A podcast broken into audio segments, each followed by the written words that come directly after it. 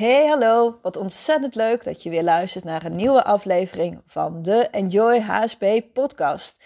In deze afleveringen ga ik het eh, hebben over de versoepelingen. Wat doen deze versoepelingen eigenlijk met jou? Heb je daar heel ontzettend veel zin in? Of bezorgt het je eigenlijk eh, behoorlijk veel stress? Uh, want ja, misschien uh, moet je nu wel weer naar je werk, terwijl je het eigenlijk heerlijk vindt om zo thuis te werken.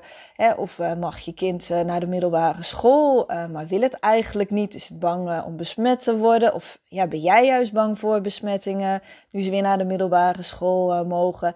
Er zijn allemaal dingen die heel logisch zijn natuurlijk. Want ja, sinds december zitten we allemaal in een volledige lockdown. Kon er echt heel weinig. En nou ja, toen moesten we weer ons ritme aanpassen. Nou, konden de kinderen weer naar school. Nou, kon je weer je ritme aanpassen van nou, kinderen naar school brengen als ze op de basisschool zitten en van thuis werken. En nu denk je misschien van, oh, nu heb ik eindelijk mijn ritme weer gevonden. En nu kunnen er weer, heb je er misschien op uh, ingesteld van nee, in de zomervakantie we gewoon weer thuis. En nu blijkt dat je toch op vakantie gaat. Nou ja, dan spreek je die buurvrouw en die gaat ook op vakantie. Nou, die vindt het misschien heel vreemd dat jij niet op vakantie gaat. Voel je je weer schuldig daarom. En dat kan allemaal weer voor stress zorgen. Maar ook in je hoofd zorgt het voor stress. Want zoals je hersenen, die zijn er nu ook aangewend aan niet zo heel veel prikkels. Dan zul je denken, hè, hoe bedoel je dat dan? Nou, vorig jaar is ons leven natuurlijk in één keer stopgezet door het virus. In één keer was er die lockdown. En misschien heb je toen juist heel veel weerstand uh, gemerkt. Dat je denkt, oh nee, nu moeten we thuisonderwijs geven, thuiswerken. Nou, nu zijn je hersens eindelijk gewend aan niet meer zoveel prikkels, aan dit ritme. En nu komen er weer versoepelingen. Dus komen er weer meer prikkels. En daardoor gaan je hersens dus eerder overprikkeld raken. En zorgt dat dus allemaal voor stress. Maar misschien snak je juist wel juist ontzettend veel naar versoepelingen. Van, want voor een high sensation seekers, dit zijn dus mensen die uh, heel erg veel prikkels juist nodig hebben. Maar ook als jij uh, extravert bent, dus dat jij oplaat door juist mensen om je heen te hebben die snakken misschien wel heel erg naar versoepeling en denken: yes, eindelijk. Maar ook bij hun kan dit stress opleveren, want ook bij hun zijn de hersens gewend aan minder prikkels. Dus eigenlijk een beetje aan onderprikkeling. En nou ja, dat kun je merken bijvoorbeeld uh, nou, dat je weinig zin hebt om dingen te doen. Of uh, dat je misschien wel een beetje depressieve gedachten hebt. Nou, dat heeft heel erg met onderprikkeling te maken. Dat je gewoon nergens meer zin hebt. Normaal zou je het misschien heel erg leuk vinden om een terrasje te pakken. En dat je nou denkt, nee, daar heb ik helemaal geen zin in. En juist doordat je dan nu heel erg onderprikkeld bent, en dat je nu heel veel mag. Dus denk je, oh yes, nu ga ik naar restaurantjes toe. Ik ga terrasjes pakken. Ik ga uh, winkelen. En daardoor krijg je juist nu in één keer heel veel prikkels. En kun je dus overprikkeld raken. En ben je veel meer een vol hoofd. En dat kan ook juist zorgen dat je daardoor een angst creëert. En kijk dan voornamelijk als je dus merkt dat je angstig gaat worden voor die overprikkeling. Dat je denkt, ja maar ik vond het zo fijn in deze eigen bubbel.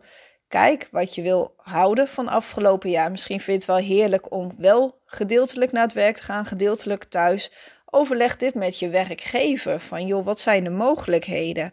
En geef aan wat voor jou heel goed werkt.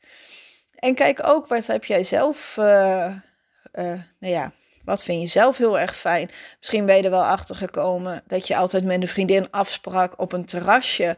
Maar dat je nu na het afgelopen jaar het juist heel fijn vindt om s'avonds even bij elkaar te komen. Of gewoon uh, s ochtends koffie bij elkaar te drinken. Dat je dat gewoon veel minder prikkels geeft dan steeds terrasje te pakken of hè, in een restaurant af te spreken.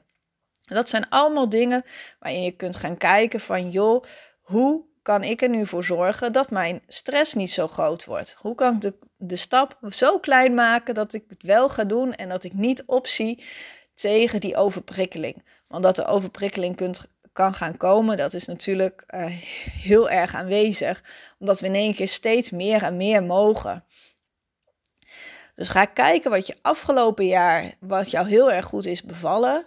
En misschien is dat ook wel hè, dat je bijvoorbeeld achterkomt, ja, maar mijn kind kan gewoon zelf naar de voetbaltraining. Waarom zou ik die elke keer moeten brengen?